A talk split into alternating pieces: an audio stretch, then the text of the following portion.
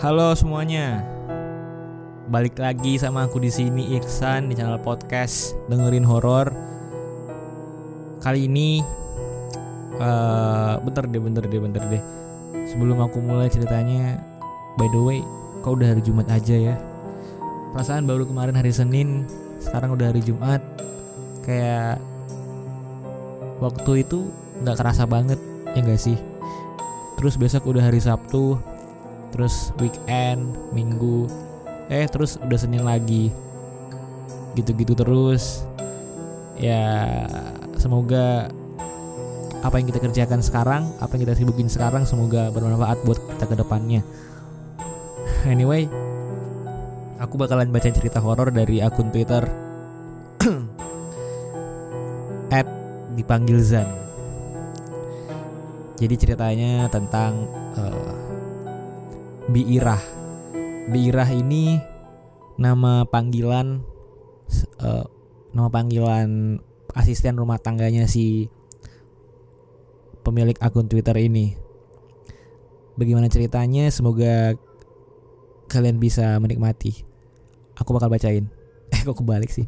Bagaimana ceritanya? Aku bakal bacain. Semoga kalian menikmati. Oke, kita mulai.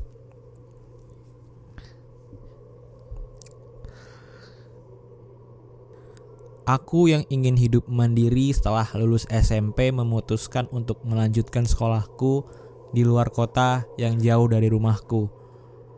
Jarak rumah dengan sekolahku cukup jauh, sehingga butuh waktu kurang lebih sekitar 3 jam berkendara menggunakan sepeda motor untuk bisa sampai sekolah dari rumah. Oleh karena itu, agar tidak kejauhan bolak-balik dan mempermudahkanku berangkat sekolah, aku memutuskan untuk ngekos tidak jauh dari sekolah. Saking dekatnya jarak kos dengan sekolahku, aku hanya memerlukan waktu sekitar 10 menit jalan kaki untuk bisa sampai di sekolah. Namun, aku lebih sering menggunakan sepeda motor untuk berangkat sekolah ya untuk mempersingkat waktu tentunya.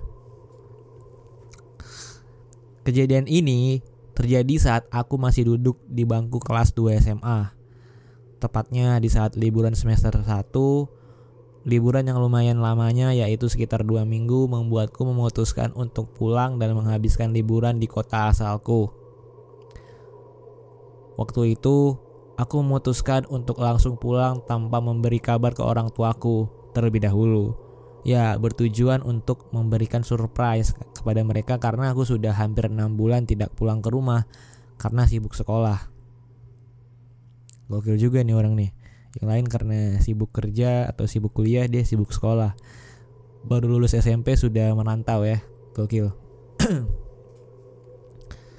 Aku memilih pulang dengan berkendara sepeda motor sendiri. Aku berangkat dari tempat kosku agak kesiangan, jadi aku agak melanjutkan sepeda motorku bertujuan untuk bisa sampai di rumah sebelum maghrib.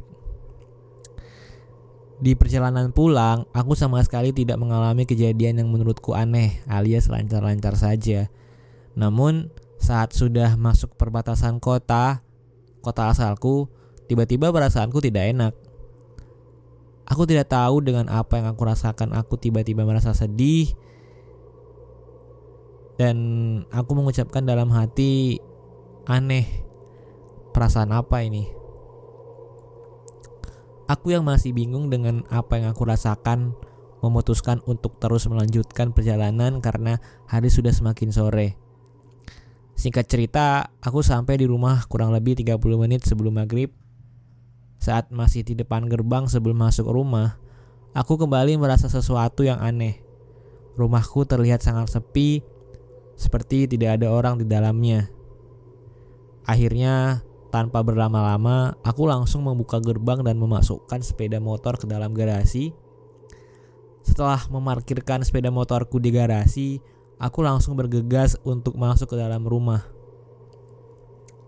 Letak garasi yang berada di belakang rumah mengharuskan aku untuk berjalan memutar rumah menuju pintu depan. Saat berjalan menuju menuju pintu depan, aku memperhatikan sekitar rumah. Bentar, bentar garasinya di belakang rumah. Jadi dia harus berjalan memutar rumah untuk menuju pintu depan. Oh, ngerti ngerti ngerti. Saat berjalan menuju pintu depan, aku memperhatikan sekitar rumah. Rumah terlihat sangat sepi, namun seluruh lampu di, di rumah sudah menyala, yang menandakan ada orang dalam rumah. Saat itu sambil berjalan aku hanya berpikir, apa ayah dan ibu sudah tahu kalau aku pulang? Dan mereka sengaja tidak menyambutku untuk memberiku kejutan. Tapi mereka tahu dari mana kalau aku pulang? Apa jangan-jangan ibu kosku yang memberitahu mereka kalau aku pulang? Dan akhirnya aku sampai di pintu depan. Tanpa pikir panjang, aku langsung memencet bel rumah. Saat memencet bel rumah tidak ada respon sama sekali dari dalam, sampai akhirnya aku kembali memencet bel untuk yang kedua kalinya sambil mencoba membuka pintu rumah siapa tahu pintu rumah tidak dikunci. Namun saat aku mau mencoba membuka pintu, aku dikagetkan dengan pintu yang tiba-tiba terbuka dan ternyata yang membukakan pintu adalah Biirah. Biirah namanya. Biirah adalah asisten rumah tangga yang dipekerjakan ayah untuk mengasuh aku sejak umur aku masih satu tahun Saking lamanya Biirah bekerja kepada keluargaku, Biirah sudah dianggap seperti keluarga sendiri oleh keluargaku. Bahkan kami sekeluarga pernah menginap di rumah Biira di kampung pada saat libur lulusan SMP. Dan aku juga sudah menganggap Biira seperti ibu kandungku sendiri. Ya ampun Bi, bikin kaget saja. Tadi saya kira hantu loh. Ucapku dengan raut wajah yang agak ketakutan dan sedikit tertawa. Baru sampai, Den. Maaf. Tadi Bibi nggak dengar suara bel. Ayo masuk, Den. Balas Bibi dengan suara lirih dan wajah agak pucat. Bibi kenapa, Bi? Kok Bibi kelihatan pucat gitu? Bibi sakit ya? Balasku setelah melihat wajah Bibi yang pucat. Tanpa membalas perkataanku, Bibi Irah langsung meninggalkanku yang masih berdiri di depan pintu. Aku yang merasakan aneh. Tak lama aku pun mengikuti Bibi masuk. Namun saat aku masuk ke rumah, rumah benar-benar sepi. Tidak ada orang selain aku dan Bi Irah. Aku pun menanyakan di mana ayah dan ibu kepada Bi Irah. Bi, ayah dan ibu lagi ke mana? Kok rumah sepi? Uh, Tuan dan Nyonya lagi pergi keluar kota Den. Mereka pergi kemarin sore. Balas Biira. Oh alah, gitu toh. Aku sengaja tidak mengabari mereka kalau aku pulang karena ingin memberi kejutan kepada mereka. Eh, malah mereka lagi di luar kota. Emang mereka keluar kota ngapain, Bi? Balasku sambil menanyakan alasan ayah dan ibu pergi keluar kota kepada si kepada Bi Ira. Bibi juga tidak tahu, Den. Sudah. Dan Aryo langsung mandi saja. Terus setelah itu makan. Bibi sudah siapkan makanan di meja makan. Balas Bi Ira kepadaku. Setelah mendengar perkataan Bibi, aku langsung pergi menuju ke kamarku untuk meletakkan meletakkan tas dan barang-barang yang aku bawa pulang. Saat aku sedang berjalan ke arah kamarku, aku melewati sebuah lorong kecil yang langsung mengarah ke kamar pembantu atau kamar Biirah. Namun anehnya, kamar Biirah terlihat gelap, seperti tidak digunakan. Kemudian aku bergumam dalam hati, kok kamar bir kok kamar Biirah gelap ya? Terus tertutup. Apa Bibi sudah pindah kamar? Saat aku menoleh ke arah Biirah, aku tidak melihat keanehan pada Biirah. Namun saat aku memperhatikan Biirah, tiba-tiba suasana di rumahku berubah menjadi agak menyeramkan. Hawa di rumahku terasa agak dingin dan lampu-lampu di kamar atas dimatikan karena ayah dan ibu tidak di rumah. Aku yang sudah terlalu capek melanjutkan perjalananku menuju kamar dan melupakan perasaan anehku tadi. Sesampainya di kamar, aku langsung meletakkan tas dan barang-barangku dan melanjutkan untuk mandi. Singkat cerita, setelah selesai mandi dan berpakaian, aku langsung menuju ruang makan dan aku langsung makan. Di ruang makan, aku melihat Biirah yang sedang mengambilkan makanan seperti Biirah mengetahui kedatanganku. Oh jadi si orang ini nih yang buat tweet ini dia tuh dia tuh ngelihat Biirah pas lagi ngambil dia tuh ngerasain kalau wah kayak Biirah nih tahu kalau aku ke sini dia tiba-tiba bisa tahu ya aku bisa ke sini karena dia dilihat dari cara dia uh, nuangin nasi mungkin ya kayak wah kayak dia bakal datang gitu. Jadi makanya dia kayak mikir jangan-jangan Biira tahu nih gitu. Terus si penulis ini bilang nggak usah repot-repot bi. Aku bisa ambil sendiri kok ucapku ke Beirah dengan dengan PD mengira Beirah benar-benar mengambilkan makanan untukku. Gak apa-apa Den. Dan Aryo kelihatan capek, jadi Bibi ambilkan saja. Balas Beirah dengan sedikit tersenyum kepadaku. Namun saat aku mendengar perkataan Beirah, dan melihat senyuman Biirah, aku malah dibuat takut dan merinding karena senyuman Biirah. Aneh, kok Biirah jadi serem begini? Seperti ada yang aneh sama Biirah. Ucapku dalam hati. Aku yang sudah lapar tanpa pikir panjang langsung duduk dan menyantap makanan yang Biirah ambilkan tadi dan melupakan masalah tadi. Saat aku makan, Aku tidak melihat Biirah di situ. Padahal aku ingin mengajak Biirah makan bersama biar tidak sepi karena ayah dan ibu belum pulang. Selesai makan, aku kembali mencari Biirah untuk menanyakan kapan ayah dan ibu pulang. Namun, aku lagi-lagi tidak menemukan Biirah di mana-mana. Padahal, aku sudah mencari Biirah di seluruh ruangan di dalam rumah ini. Dan aku baru ingat ternyata ada satu ruangan yang belum aku datangi yaitu kamar Biirah. Oh iya, kamar Biirah kan belum aku periksa. Pasti Biirah sedang di sana beristirahat karena kecapean mengerjakan seluruh pekerjaan rumah ini sendirian, ucapku. Tanpa berlama-lama, aku langsung bergegas pergi ke kamar Biirah. Namun saat aku sampai di kamar Biirah, Kamar Biirah dalam keadaan tertutup dan lampu kamar yang mati. Hmm, apa iya Biirah ada di dalam? Tapi kok lampu kamarnya mati? Pikirku dalam hati. Akhirnya pun aku mengetuk pintu kamar Biirah untuk memastikan kalau Biirah ini ada di dalam atau tidak. Namun saat aku mengetuk pintu kamar Biirah, dan memanggil Biirah, tidak ada balasan sama sekali dari Biirah.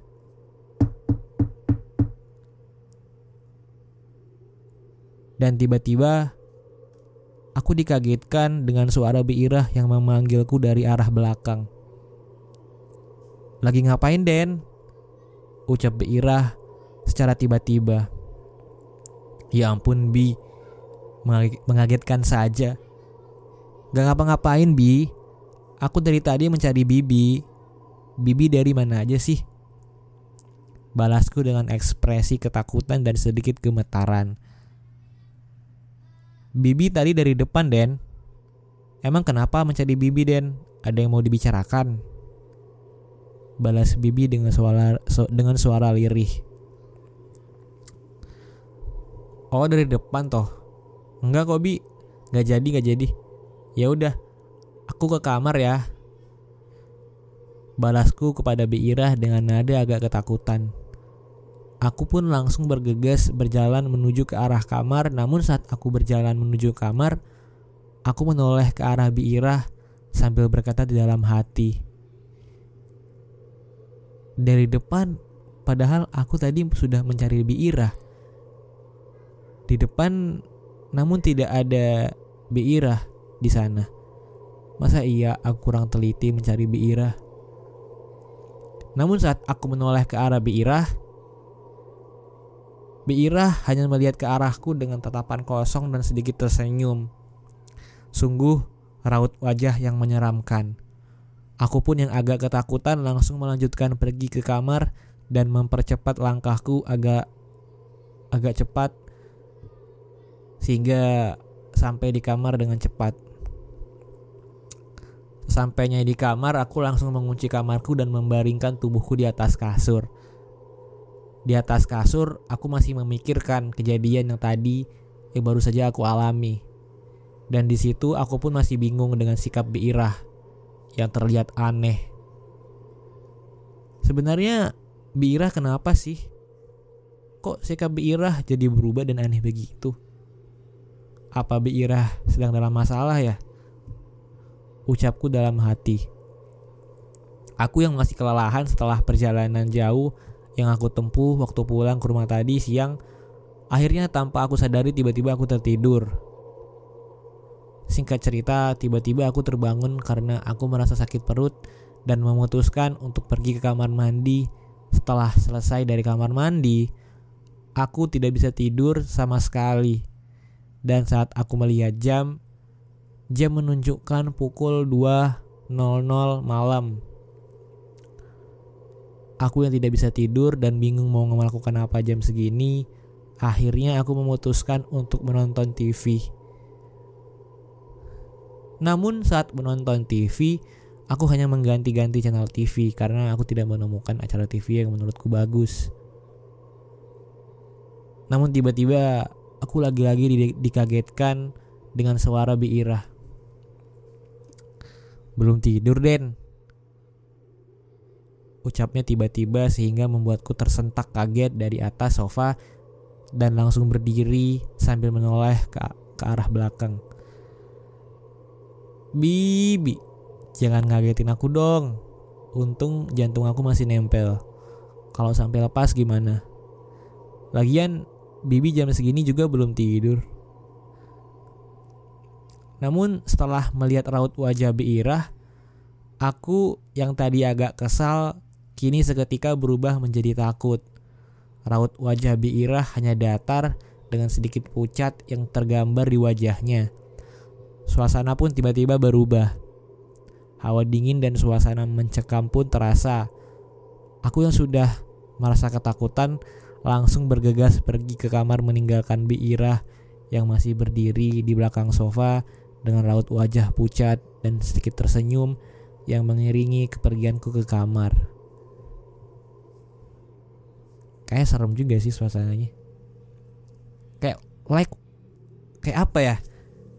tiba-tiba aja gitu kan apalagi di rumah sendirian boy mana orang tuanya pada pergi ya terus punya asisten rumah tangga yang tiba-tiba mandang kita dengan wajah pucat terus datar malam-malam Hih, gua mah cabut kalau gitu boy terus dia pergi terus dicabutkan ke kamarnya setelah sampai dalam kamar dan mengunci pintu, aku yang sudah benar-benar ketakutan langsung mencari ponsel dan berusaha menghubungi ayah dan ibu. Namun saat aku menghubungi nomor ayah dan ibu, nomor mereka tidak bisa dihubungi. Jam di ponselku sudah menunjukkan pukul 2 lewat 55 dan aku berpikir apa ayah dan ibu sudah tidur sehingga mereka tidak bisa dihubungi. Aku yang sudah mulai panik akhirnya berusaha kembali untuk tidur berharap dengan cara itu aku bisa lebih tenang. Namun saat aku ingin memejamkan mata, aku mendengar suara dari rumah dari luar kamarku. Suara itu membuat aku menjadi semakin panik dan ketakutan. Suara itu seperti suara seseorang yang sedang menaiki tangga dengan cara berlari. Suara itu sangat jelas terdengar karena kamarku yang tidak jauh dari tangga. Tak lama tiba-tiba suara itu menghilang aku yang mengira semuanya sudah berakhir, kembali dibuat kaget dan ketakutan saat tiba-tiba gagang pintu kamarku bergerak dengan cepat seolah-olah ada seorang yang ingin berusaha masuk ke kamarku secara paksa. Lama-kelamaan, suara itu semakin keras dan kini suara itu juga disertai dengan suara gedoran yang sangat keras.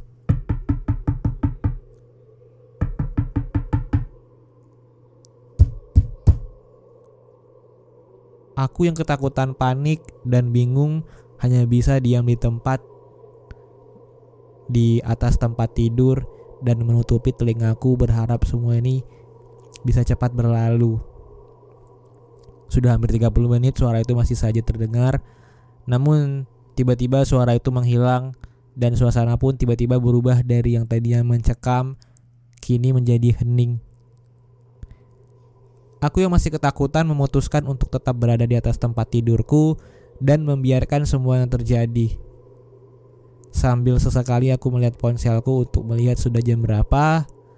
Entah hanya perasaanku saja apa memang waktu menjadi terasa agak lama. Saat aku melihat jam di ponselku, jam baru menunjukkan pukul 3 lewat 40. Kenapa waktu berjalan sangat lama ya? Kapan semua ini berakhir? Ucapku dalam hati. Sambil berharap semoga waktu bisa berjalan dengan cepat dan pagi segera datang. Agar aku bisa segera menghubungi ayah dan ibu. Tiba-tiba entah kenapa aku terpikir tentang Biirah. Biirah ke mana ya? Jangan-jangan Biirah juga diganggu. Apa aku harus memeriksa Biirah ya? Tapi kalau gangguan itu tiba-tiba muncul lagi, bagaimana? Aku juga merasa aneh dengan sikap dan tingkah laku Biirah sejak sore sampai malam tadi. Biirah adalah tipe orang yang senang bercanda. Jarang sekali dia terlihat serius. Makanya hal itulah yang membuatku senang jika sedang bersama Biirah. Namun kenapa Biirah menjadi berubah begini? dia jadi terlihat lebih serius seperti tidak suka bercanda dan tak jarang dari tadi raut Biirah berubah menjadi menyeramkan. Sebenarnya apa sih yang sedang terjadi? Apa aku sedang dikerjai? Tapi aku tidak sedang ulang tahun. Nilai semesterku kali ini juga tidak bagus-bagus banget. Atau jangan-jangan semua gangguan ini ada hubungannya dengan Biirah. Tapi kalau benar, untuk apa Biirah melakukan ini semua? Semua terlihat membingungkan. Sambil terus memikirkan tentang Biirah, tak sadar tiba-tiba aku tertidur dengan sangat pulas. Dan singkat cerita aku tertidur dan di saat aku tertidur, aku sama sekali tidak merasakan gangguan yang aneh-aneh lagi. Aku yang terlalu lelap saat tidur bisa bangun sekitar jam 9 pagi yang berarti sudah sangat siang. Namun saat aku baru bangun, seketika aku dikagetkan dengan keadaan kamarku. Kamar-kamarku benar-benar terlihat kacau. Aksesorisku yang aku susun rapi di rak penyusun kini bertebaran di lantai. Hiasan dinding banyak yang terjatuh, bahkan tidak sedikit hiasan dinding yang pecah. Di situ aku benar-benar dibuat bingung dengan apa yang ter sudah terjadi. Padahal semalam sebelum aku tidur kondisi di kamarku masih baik-baik saja. Akhirnya aku pun memutuskan untuk keluar kamar dan mencari Biirah. Siapa tahu Biirah tahu apa yang sebenarnya terjadi dan siapa tahu juga Biirah mengalami apa yang aku rasakan semalam. Namun saat aku keluar kamar dan akan mencari Biirah, Tiba-tiba ponselku berdering dan saat aku lihat ternyata ayah dan ibuku menelponku.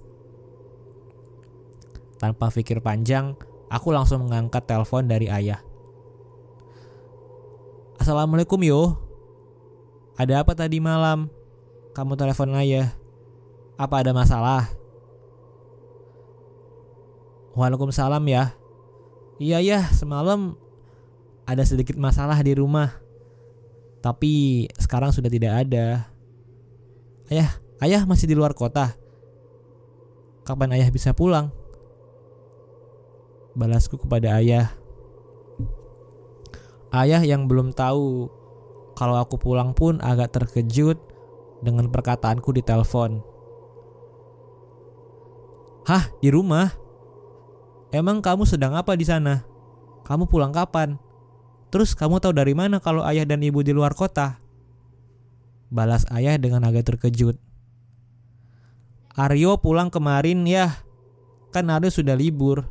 Dan Aryo ingin menghabiskan liburan Aryo di rumah bareng ayah dan ibu. Eh, malah kalian di luar kota. Bi Irah yang ngasih tahu ya. Memang kenapa? Jawabku agak heran. Hah? Bi Irah? Kamu sekarang di mana? Kamu tidak apa-apa kan? Jawab ayah dengan nada terkejut. Dan sepertinya ayah panik kali ini setelah mendengar perkataanku tadi. Iya, Biirah ya. Aku lagi di ruang tamu dan aku baik-baik saja. Memang kenapa? Kok ayah bertanya seperti itu? Jawabku heran. Soalnya Bi Irah itu Bi Irah uh, birah suara ayah terputus-putus. Bira itu apa ya? Kenapa Bira? Bira baik-baik saja kok. Bira itu sudah meninggal yo. Bira meninggal dua hari yang lalu karena terpeleset dari tangga.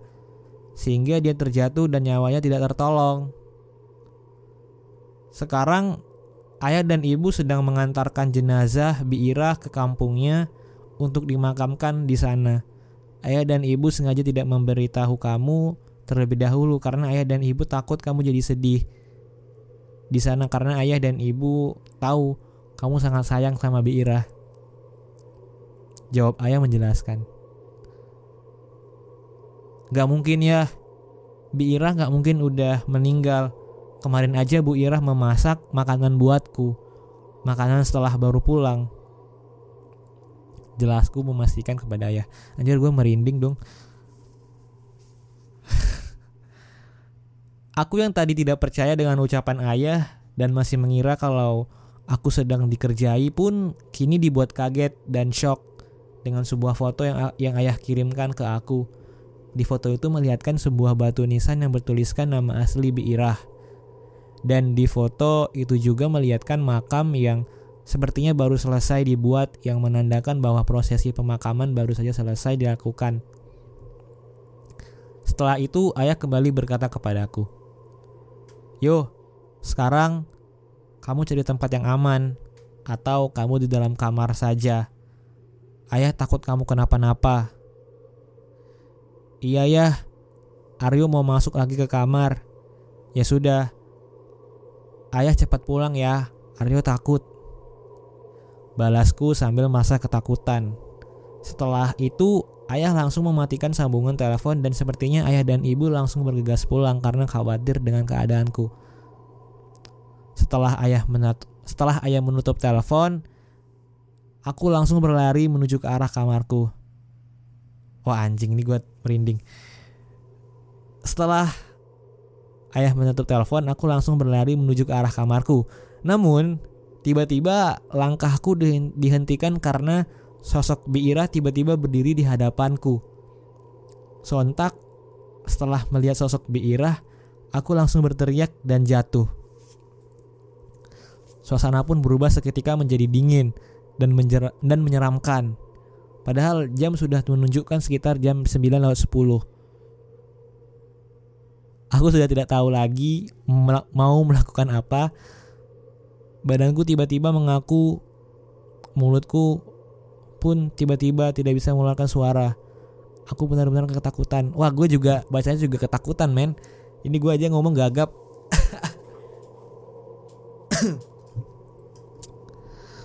Wah, gue kaget dong. Bisa-bisa Tiba-tiba sosok Biirah mendekat ke arahku. sosok Bi Irah mendekat ke arahku dengan cara seperti melayang. Semakin dekat sosok Ibi Irah denganku, aku pun tidak pasrah begitu saja. Aku berusaha terus menggerakkan tubuhku namun masih saja tidak bisa. Akhirnya aku pun menyerah dan pasrah. Aku sudah tidak bisa apa-apa lagi. Aku hanya berharap untuk yang terakhir untuk yang terakhir kalinya aku bisa bertemu ayah dan ibu. Namun saat aku tidak bisa apa-apa, tiba-tiba sosok Piirah berkata kepada aku, Den Aryo, jangan takut Den. Bibi tidak bermaksud menakut-nakutin Den Aryo. Bibi hanya ingin berpamitan dan minta maaf kepada Den Aryo. Maafkan Bibi, Den. Bibi tidak bisa lagi menemani Den Aryo seperti dulu lagi. Bibi juga minta maaf jika Bibi membuat Den Aryo ketakutan. Soal semalam Bibi minta maaf Den. Itu bukan Bibi yang melakukan Den. Tadi malam saat Den Aryo ketakutan melihat Bibi dan Den Aryo masuk ke kamar, tak lama ada tiga orang perampok yang masuk ke rumah ini Den. Dan saat perampok itu ingin masuk ke kamar Den Aryo, Bibi berusaha untuk menyelamatkan Den Aryo. Bibi minta maaf jika cara Bibi membuat Den Aryo ketakutan. Bibi minta maaf ya Den. Bibi sayang ke Den Aryo. Bibi sudah anggap menganggap Den Aryo sebagai anak Bibi sendiri. Mulai sekarang Den Aryo jaga diri baik-baik ya. Dan dan Bibi pergi dulu. Den Aryo doain Bi Irah ya Den sekali lagi terima kasih Den. Bentar, bentar, bentar. Ini katanya ada tiga orang perampok. Terus ini kan posisinya kan Bi Irah sudah ini ya, sudah meninggal. Maksudnya menyelamatkan Den Aryo gimana caranya gitu. Apa dengan cara Bi Irah ini gentayangan gitu di depan tiga orang perampok tadi terus tiga orang perampok tadi kabur gitu apa gimana gitu kan kayak satu-satunya jalur cerita yang masuk akal ya dengan cara biirah gentayangan di depan tiga orang perampok tadi. Soalnya ya udah mati udah meninggal. Jadi gimana cara menyelamatkannya gitu kan? Oke.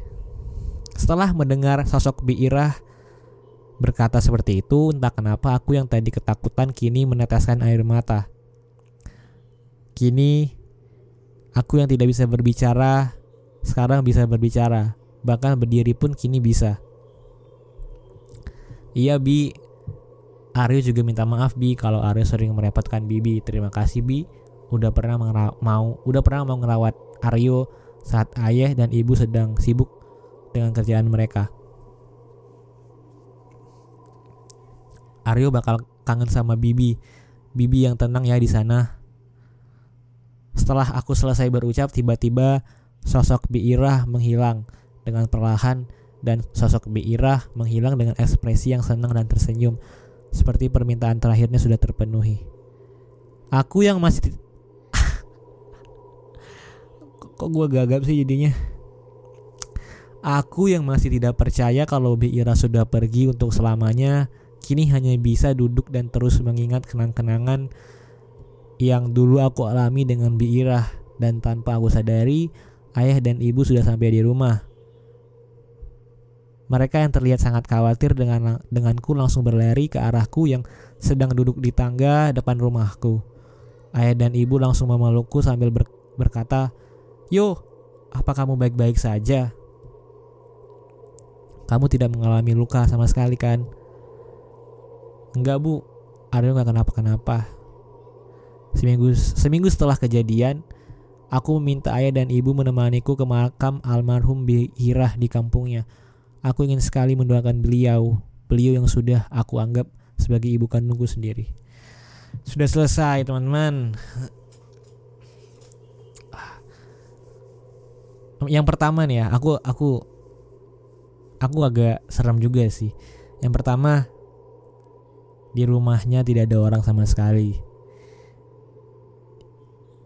Yang si Aryo anggap kalau misalnya di rumah itu cuma ada Biirah dan dia, ternyata Bi Ira sudah meninggal dan orang tuanya itu mengantar Bi Ira ke makamnya. Jadi otomatis si Aryo bertatapan langsung dengan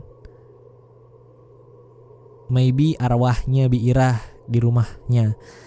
Jadi makanya dia merasakan hal yang aneh kan kenapa Bi Ira kok wajahnya pucat terus wajahnya datar-datar aja. Terus dia juga mendengar kalau ada suara kaki-kaki yang cepat gitu di tangga pas di kamar kan.